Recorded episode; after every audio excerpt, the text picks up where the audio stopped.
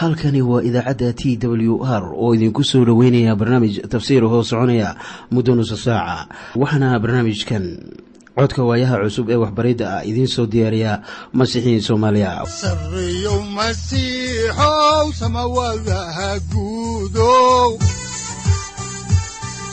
Siraadkii adduunkow subanaha eebow sareyow masiixow samawadaha guudow siraadkii adduunkow subanaha eebow adigoo samada jiro ifkaan soo saldhiganba adigoo samada jiro ifkaan soo saldhiganba kutubtiisanaye udanogu saaciiday sharxin sifahaaga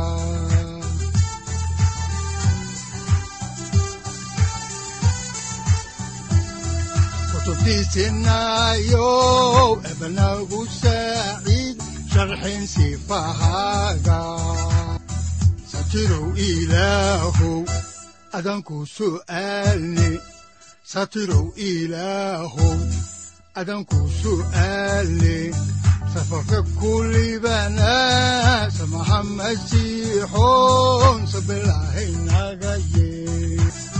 mar kale ayaanu dhegaystayaal idinku soo dhoweynaynaa barnaamijka waxaannu macluumaad idinka siinaynaa ahamiyadda injiilkanu leeyahay waxaanan caaway idiin sii wadi doonnaa cutubka afar iyo labaatanaad waxaana ay mawduucyada cutubkani ka kooban yihiin kow xerta oo ciise weydiinaysa saddex su'aalood labo wuxuuna ka jawaabayaa calaamadda ku saabsan dhammaadka wakhtiga saddex iyo calaamadda imaatinkiisa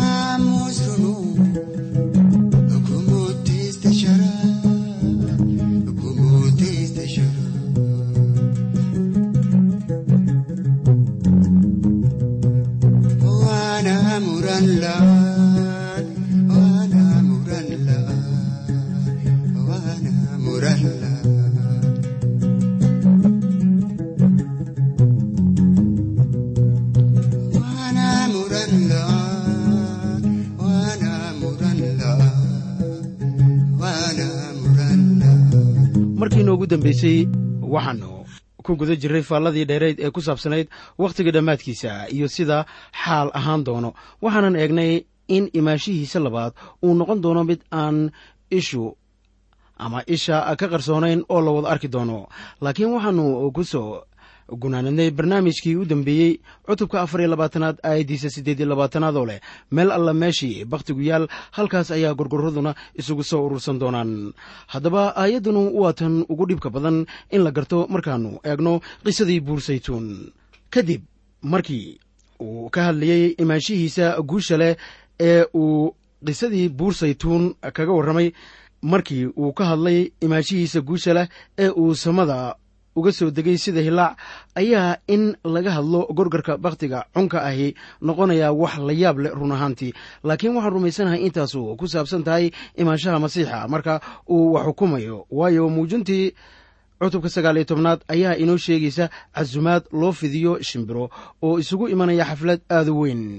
Innagoo taa faallo ka bixinayna ayaan soo xiganaynaa kitaabka muujintii ciise masiix oo yoxanaa loo muujiyey cutubka sagaal iyo tobnaad aayadaha toddoba iyo toban ilaa sagaal iyo toban. Waxaana qoran sida tan. Oo markaasaan arkay malaa'ig qorraxda dhex taagan oo intay cod weyn ku dhawaaqday ayay waxay haadda samada dhex duusho oo dhan ku tiri kaalaya oo u soo urura cashada weyn oo ilaah aad idinkuna cuntaan hilibka boqorrada iyo hilibka kabtannada iyo hilibka ragga xoogga badan iyo hilibka fardaha iyo kuwa fuushan iyo hilibka dadka oo dhan xor iyo addoon iyo yar iyo weynba. Oo markaasaan arkay bahalkii iyo boqorradii dhulka iyo ciidamadoodii oo u soo wada ururaya inay la diriraan kii faraska fuushanaa iyo ciidankiisii. Shimbiraha cunay bakhtiga waxa ay u muuqataa inay yihiin wakiilada uu ku dhacay xukunka rabbaaniga ah markii sayidku yimaado mar kale waxa uu u imanayaa xukun. Haddaan mar kale halkii ka sii wadno kitaabka ayaa waxaa ku qoran injiilka sida matayos u qoray cutubka afar iyo labaatanaad aayadda sagaal iyo labaatanaad sida tan. Laakiin dhibta wakhtigaas dabadeed kolkiiba qorraxdu waa madoobaan doontaa dayuxuna ma nuuri doono xidiguhuna cirka waa ka soo dhici doonaan. Xoogaga cirkuna waa la gariirin doonaa. Waxaad haddaba ogaataa intanu dhacayso. Wax yar kadib wakhtiga dhibka weyn jiro waxaan fahamsannahay in waxyaalahaas oo dhan ay boos u bannaynayaan imaanshaha labaad ee ciise uu dhulka imanayo haddaan halkii ka sii wadno xigashada kitaabka ayaa waxaan ka akhriyeynaa cutubka afar iyo labaatanaad aayaddiisa soddonaad sida tan. Markaasaa waxaa cirka ka soo muuqan doona calaamadda wiilka aadanaha. Markaas ayaa qolooyinka dhulka oo dhammu barooran doonaan oo waxaay arki doonaan wiilka aadanaha oo daruuraha cirka ku imanaya isagoo leh xoog iyo ammaan weyn. Waxaa qoran markaas waxaa cirka ka soo muuqan doona calaamadda wiilka aadanaha haddaba maxay tahay calaamaddaas? Mar kale waa inaan haddana wax malamalaynaa haddaan ku noqonno axdigii hore waxaad xusuusataa in qaranka israa'iil la siiyey ammaanta ama ay arki jireen ammaanta ilaah ee la oran jiray xaadirnimadii shakin ah ee ilaah. Haddaan halkii ka sii wadno xigashada kitaabka ayaa waxaa ku qoran injiilka sida matayos u qoray cutubka afar iyo labaatanaad aayaddiisa koob iyo soddonaad sida tan. Oo waxa uu soo diri doonaa malaa'igihiisa oo wata buun weyn oo kuwuu doortay ayaa ay ka soo ururin doonaan afarta jihood cirka meeshiisa ugu fog ilaa iyo meesheeda kale. Kuwa la doortay ee looga hadlay aayadda weli waxaa weeye qaranka israa'iil.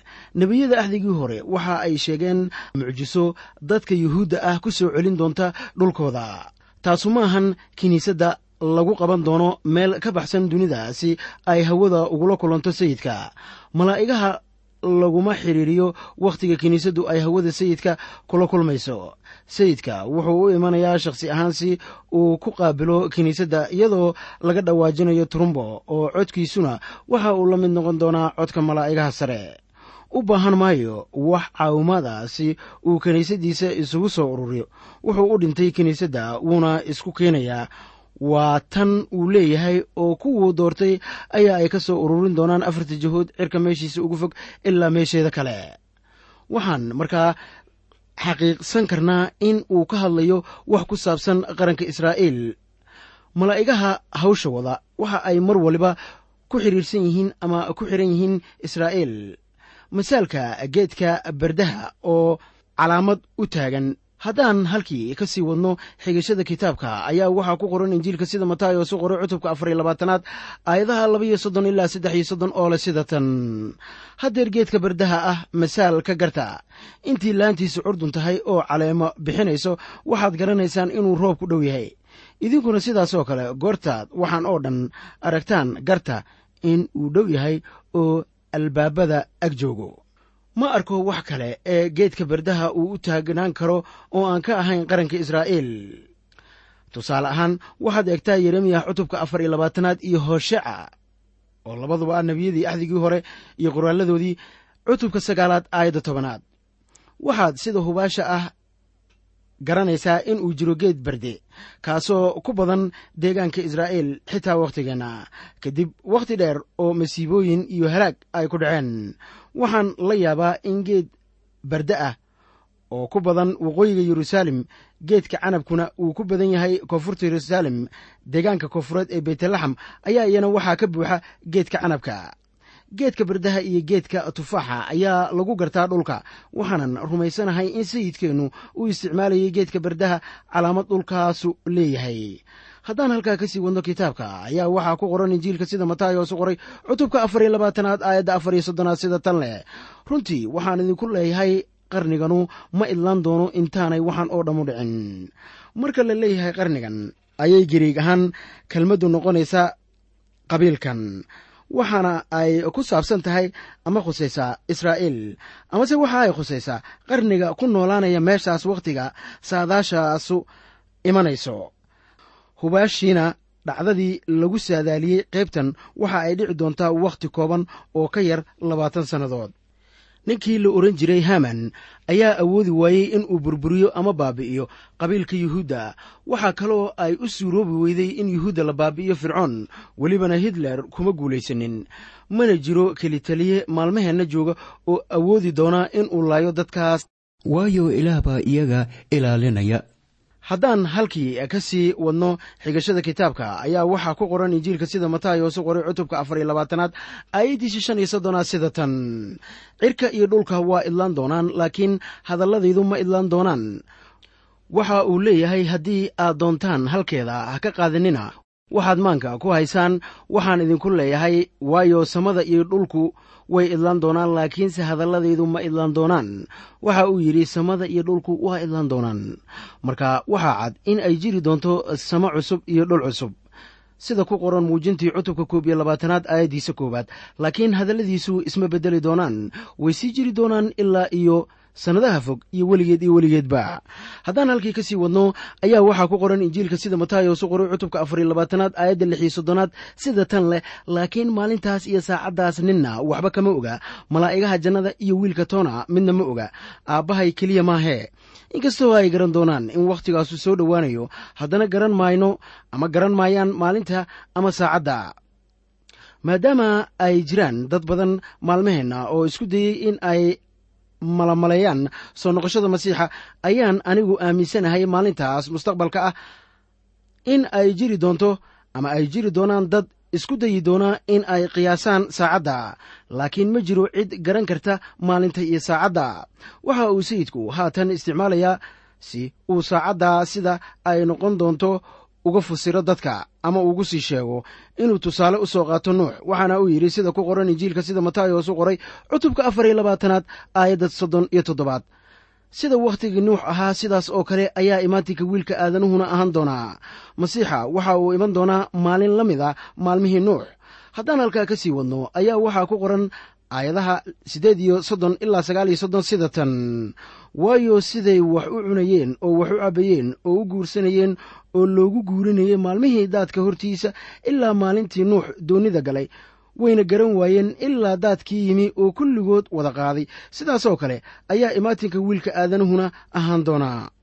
Haatan maalmaha nuux waxaa calaamad u ahaan doona iimaan xumo. Waxaa ku qoran kitaabkii bilowgii cutubka lixaad aayadda shanaad sida tan rabbiguna waxa uu arkay in dadka sharkiisu ku badan yahay dhulka iyo in malo kasta oo fikirka qalbigiisu ay shar keliya yihiin had iyo goorba. Laakiin sayidkeennu waxa uu leeyahay imaanshihiisu waxa uu la mid noqon doonaa maalmihii nuux waxaana uu sheegayaa oo keliya in ay wax cunayeen dadku oo ay wax cabbayeen haddaba maxaa ku jaban in wax la cuno oo wax la cabo? Maya waxba kuma jabna in wax la cuno oo wax la cabo. Waxaase laynoo sheegay wax kasta ee aynu samayno ama aynu samaynayno waa in aan ku samayno ammaanta ilaah. Sida ku qoran warqaddii rasuul boolos u qoray dadkii korintos. Waa warqaddii koowaade cutubka tobnaad aayadda koob iyo soddonaad. Haddaba dadkii qarnigii nuux ma ayan cabbaynin oo cunaynin iyagoo ilaah ku ammaanaya noloshooda. Sida xaqiiqda ah waxay u noolaayeen sida inaanuba ilaah jirin. Haddaan dib ugu soo noqonno kitaabka ayaa waxaa ku qoran injiilka sida matayos u qoray cutubka afar iyo labaatanaad aayadaha afartan ilaa koob iyo afartan oo leh markaas laba nin ayaa beerta ku jiri doona mid waa la qaadi doonaa midna waa laga tegi doonaa laba naagood ayaa dhagax wax ku shiidi doona mid waa la qaadi doonaa midna waa laga tegi doonaa waxaan maqlaa dad igu yidhaahda waa hagaagay wacdiye. Waxaad mooddaa in aad meel hul ah sii gelayso waxaad tidhi kiniisadda iyo wakhtiga la kulanka sayid ciise masiix kuma aayan jirin qisadii buursaytuun laakiin haatan waynu arkaynaa oo way ku jirtaa. Marka la leeyahay laba nin ayaa beerta ku jiri doonta ama ku jiri doona mid waa la qaadi doonaa midna waa laga tegi doonaa haddaba marka ay sidaa tahay ayaan ku leeyahay saaxiib markaa ka hadli maayo la kulanka hawada sare ee isaga lala kulmayo. Habase yeeshee muxuu sayidkeennu ka hadlayaa? Wuxuu ka hadlayaa sidii ay ahaayeen maalmihii nuux. Wax ay garanayeen ma leh ilaa daadkii yimi oo uu wada qaaday. Waxa ay ku haligmeen daadkii tanina ma khusayso wakhtigii uu gelayey samada marka kiniisadda dunida laga qaadayo. Waxaase tanu ku saabsan tahay kiniisadda oo dhulka laga qaadayo. Marka la xukumayo kuwa aan gelaynin boqortooyada zamanka haddaan halkii ka sii wadno kitaabka ayaa waxaa ku qoran injiilka sida mataayo oosu qoray cutubka afar iyo labaatanaad aayaddiisa laba iyo afartanaad oo leh haddaba soo jeeda waayo ma aad ogidin maalinta rabbigiinnu imanayo haddaan injiilka halkii idinkaga sii wadno ayaa waxaa ku qoran injiilka sida mataayo oosu qoray cutubka afar iyo labaatanaad aayadaha saddex iyo afartan ilaa shan iyo afartan waxaana qoran sida tan. Laakiin tan ogaada odayga reerku hadduu ogaan lahaa wakhtiga tuuggu imanayo wuu soo jeedi lahaa oo ma uu daayeen inuu gurigiisa la jebiyo. Sidaas daraaddeed idinku diyaar ahaada waayo saacad aydaan ogeyn ama aydaan u malaynayn ayaa wiilka aadanuhu imanayaa haddaba yuu yahay addoonka aaminka ah oo caqliga leh. Kan sayidkiisu dadka gurigiisa u sarraysiiyey inuu cuntada siiyo wakhtigeeda sayidkeennu haatan waxa uu soo gebagabaynayaa intii ka harsanayd khudbaddii buursaytuun si uu masaal ugu sharaxo dabiicadda dadka sida ay tahay wakhtiga imaanshihiisa iyo waxa dhacaya markii uu yimaado. Waxaan weli bartamaha kaga jiraa xigashada kitaabka acdiga cusub injiilka sida mataayoos u qoray cutubka afar iyo labaatanaad aayadaha lix iyo afartan ilaa koob iyo konton. Waxaana qoran sida tan waxaa barakadaysan addoonkaas kan sayidkiisu goortuu yimaado uu helayo isagoo sidaa samaynaya runtii waxaan idinku leeyahay waxa uu leeyahay oo dhan ayaa uu ka sarraysiin doonaa isaga. Laakiin haddii addoonkaas sharka leh qalbigiisa ka yidhaahdo sayidkaygu waa raagay oo uu bilaabo inuu garaaco kuwa la shaqayn jiray oo uu bilaabo inuu wax la cuno oo wax la cabo kuwa sakhraanka ah. Addoonkaas sayidkiisa wuxuu iman doonaa maalin aanu filanaynin iyo saacad aanu ogeyn oo waa kala jeexjeexi doonaa oo waxa uu ka dhigi doonaa mid qayb la hela laba wajiilayaasha halkaa waxaa jiri doona baroor iyo ilka jiriqsi masaalkan waxa uu dib u soo go'anayaa dabiicadda dadka qaar yeelan doono maalintaas mustaqbalka ah. Waxa ay odhan doonaan sayidku wuu soo daahay markaa sidaannu doonno ayaannu u noolaanaynaa markii masiixu soo laabto waxa uu xukumayaa ninka falalka caynkaas oo kalaa sameeya haddaba kanu waa qaynuun weyn kaasoo dhaqangal ah qarni waliba. Waxaannu haatan soo gaarnay cutubka shan iyo labaatanaad. Haddaba cutubkan waxa uu sii ballaarinayaa jawaabta ciise ka bixinayo su'aasha ah maxay noqonaysaa calaamadda ah imaanshihiisa? Waxaa kaloo cutubkan uu sii ballaarinayaa masaalka ku saabsan tobanka bikradood kaasoo tijaabinaya rumaysadka israa'iil haddaba masaalka talantiyaasha ayaa lagu tijaabinayaa rumaysadka addoommadiisa iyo xukunka qaramada ama dadyowga kaasoo tijaabinaya oggolaanshaha dhabta ah ee boqortooyada. Cutubkan waxa uu muujinayaa ahmiyadda imaanshaha masiixa ee khuseeya qolyaha dunida joogi doona marka uu soo noqonayo.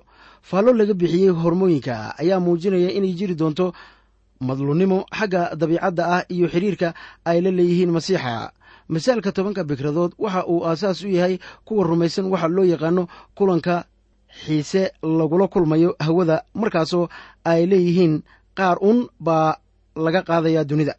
Kuwa aaminsan kulankan qabyada ah waxa ay ka kooban yihiin dad wan wanaagsan. Markaana waxa aan leeyahay markii ugu horreysay ee aan wadaadka ka noqday nairobi waxaa halkaa ka jiray fasal wacan oo baibalka lagu barto. Waxaanan gacan iga siiyeen dadkii halkaa joogay ama aan ugu imid inaan muxaadaro wacdiis ah qabanqaabiyo oo dadkii halkaa degganaa la wadaago. Markii ugu horreysay waxaa fasalka macallin u ahaa nin wadaada oo rumaysan kulanka ciise lagula kulmayo hawada taasoo aan saamayn doonin dadka oo dhan ama masiixiyiinta oo dhan. Waxaan haddaba dareensanahay in wadaadada masaalka kulanka qabyada ah aaminsan inay ruux ahaan liitaan. Weligii lama kulmin mid ka mid ah qaybahaas ama qolyahaas oo ayan la ahayn inaannu ka mid ahayn shanta bikradood ee xigmadda leh. Welibana lama aanan kulmin noloshayda oo dhan. Mid iyaga ah oo ay la tahay in uu ka mid yahay masaalahaan bikradihii nacasiinta ahaa. Maalmahaas waxaan ahaa wadaad dhallinyaro ah. Markii aan la shaqaynayey ayaan dareemay inaanay rumaysnayn ama aysan la ahayn inaan ahay mid iyaga ka mid ah. Waxaanan markaa gartay inay igala mid dhigeen bikradihii doqonnada ahaa. Waxaan ilaah ugu mahadinayaa markii wakhtiga kulanka sayid ciise masiix yimaado in rumaysto waliba dibadda uu soo bixi doono. Markaana laynagu qaadan maayo camalladeenna iyo waxqabadkeenna dartii. Innaga oo dhan waynu soo baxaynaa iyadoo ay ugu wacan tahay nimcada ilaah oo ninna laga tegi maayo. Laakiin masiixiyiinta rumaysan ilaah oo dhan waxa ay la kulmi doonaan wakhtigaas masiixa. Ciise waxa uu inagu badbaadiyey nimcadiisa wuxuuna inagu hayaa nimcadiisa wuxuu inaga qaadayaa dunida iyadoo ay ugu wacan tahay nimcadiisa haddaan halkii ka sii wadno xigashadeenna ayaa waxaa ku qoran injiilka sida mataayo su qoray cutubka shan iyo labaatanaad aayaddiisa koowaad sida tan. Haddaba boqortooyada jannada waxaa loo ekaysiin doonaa toban gabdhood oo bikrada ah. Kuwa intay laambadahoodii qaateen. U baxay inay ninka arooska ah ka hortagaan. Si markaa hagaag loogu fahmo caadada waddanka israa'iil wakhtiga axdiga cusub ayaan idiin tilmaamayaa nuqliga loo yaqaano bashita. Waxaana weeyey turjumada baibalka ku turjuman luuqadda suuriya. Inkastoo uusan ahayn nuqli la oggolaan karayo in dadku akhristaan haddana wuxuu daaha ka qaadayaa ama nuurinayaa qaar ka mid ah caadooyinkii waagaas. Turjumaadda bashita ee aayadda inoo hortaalla ayaa inoo tilmaamaysa in bikraduhu ka hortageen arooska iyo aroosadda taasoo loola jeedo in arooska ka imanayo xafladdii nikaaxa oo u imanayo xafladdii cashada arooska. Waxaan u gartay inkastoo isku xirka ciise iyo kiniisadda uu ka dhacayo samada haddana cashada arooskaas waxa ay ka dhacaysaa dunidan. Waxaan taas caddaynaya ama waxaa taa inoo caddaynaya qidco ka mid ah injiilka sida luuka qoray markaasoo sayidkeennu digniin iyo masaalo jeedinayey sida ku qoran injiilka sida luuka hoosu qoray cutubka labaiyo tobnaad aayadaha shan iyo soddon ilaa lix iyo soddon oo leh dhexdiinnu ha xidhnaato laambadihiinnuna ha baxeen. Idinkuna ahaada sida niman sayidkooda sugaya goortuu arooska ka soo noqdo inay markiiba ka furaan markuu yimaado oo garaaco. Sow arki maysid arooskii waa dhacay oo aroosadiina waa la joogtaa. Bilxaqiiqa haddii uu ka imanayo xafladda arooska aroosaddu way la jiraysaa. Ma jirin nin keligii aada damaashaadka guurka. Haddii uu kelidii aado ayaan taas loo arkaynin damaashaad guur. Waa in aroosaddu ay la socotaa. Markaana halkan masaalka tobanka bikradood ayaa masiixa u taagan sida arooska la imanaya aroosadda. Oo rumaystayaasha oo iyaga jooga dunida ayaa dhowraya imaanshihiisa marka dunidu ay ka jirto ama uu ka jiro wakhtiga loo yaqaano the great tribulation ama dhibka weyn ayaa ciise masiixsamada sare la joogaa aroosadda oo ah kiniisadda haddaba markii toddobada sano ee dhibka weyn uu soo dhammaado ayuu kiniisadda la imanayaa dunida. Taasuna waxa ay noqonaysaa dabiicad ama marxalad khusaysa imaanshaha uu u imanayo kuwa dunida jooga. Haddaan halkii ka sii wadno xigashada axdiga cusub injiilka sida mataayo hoosu qoray cutubka shan iyo labaatanaad aayadaha laba ilaa iyo afar ayaa waxaa qoran. Shantood waxa ay ahaayeen doqonno shanna caqli bay lahaayeen. Kuwii doqonnada ahaa laambadahoodii bay qaateen. Laakiin saliid ma ay qaadan. Kuwii caqliga lahaase laambadahoodii bay qaateen iyo weelal saliidi ku jirto. Haddaba saliiddu waxay astaan u tahay ruuxa ilaah. Maalmahaas waxa ay ila ahayd inay jiri doonaan doqonno. Siday u jireen imaanshihii koowaad. Wuxuuse ciise ugu yeeri jiray laba wajiilayaal. Waxa ay soo qaadanayaan laambado laakiin waxa ay ka soo tegayaan saliiddii lagu shidi lahaa sida ku qoran injiilka sida mataayo su qoray cutubka shan iyo labaatanaad aayadaha shan ilaa toddoba waxaa qoran laakiin ninkii arooska ahaa waa raagay taas daraaddeed ayay wada lulmoodeen oo wada sexdeen habeenkiisa qaylo ayaa yeedhay aroosku waa soo socdaaye soo baxa oo ka hortaga. Markaasaa bikradihii oo dhammu wada kaceen oo laambadahoodii wada hagaajiyeen. Waxaad haddaba ogaataa bikradihii xigmadda lahaa iyo kuwii nacasyada ahaaba way wada gam'een. Kala duwanaanshuhu waxa weeye in kuwa lahaayeen ruuxa quduuska kuwana ayan lahayn waayo ma ayan ahayn rumaystayaal dhaba waxaan ognahay in saliidda ay u taagan tahay ruuxa quduuska. Haddaba sayidkeenna degniin buu masaalkan ku soo gunaanadayaa sida ku qoran cutubka shan iyo labaatanaad aayadda saddex iyo tobanaad. Waxaa qoran haddaba soo jeeda waayo garan maysaan maalinta ama saacadda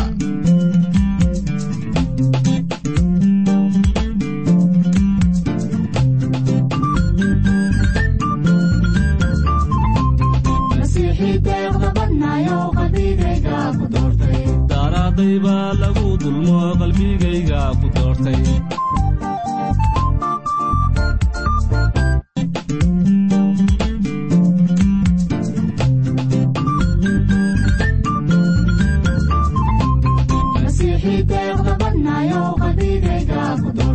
Daaraaday baa lagu dulmo qalbigayga ku doortay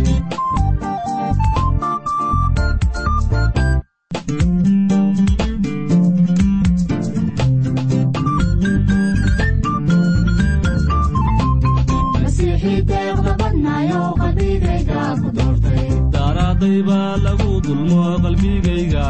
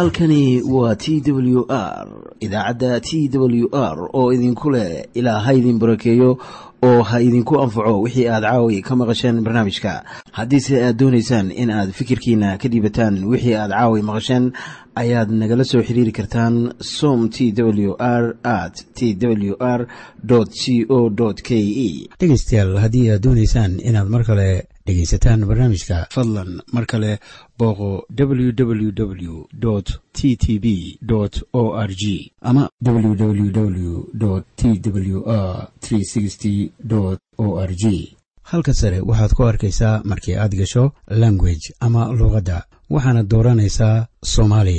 Haddii aad doonaysaan in aad dejisataan oo kaydsataan barnaamijka ama aad mar kale dhegaysataan.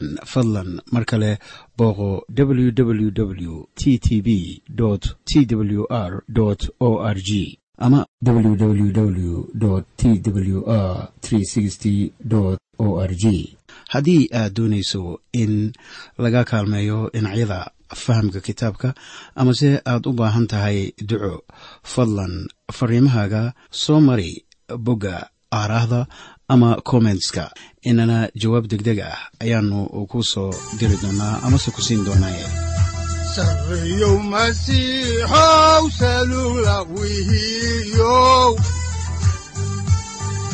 saacadda timid dhulka sabada ku dhalatiyo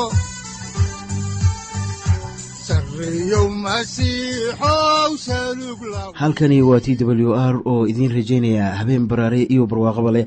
Inta aynu ka gaari doono wakhti aynu ku kulanno barnaamij la mida kan caawayay aad maqasheen. Waxa aan idinku leeyahay nabadda ciise masiix ha idinku badato xagga jidhka iyo ruuxaba. Aamiin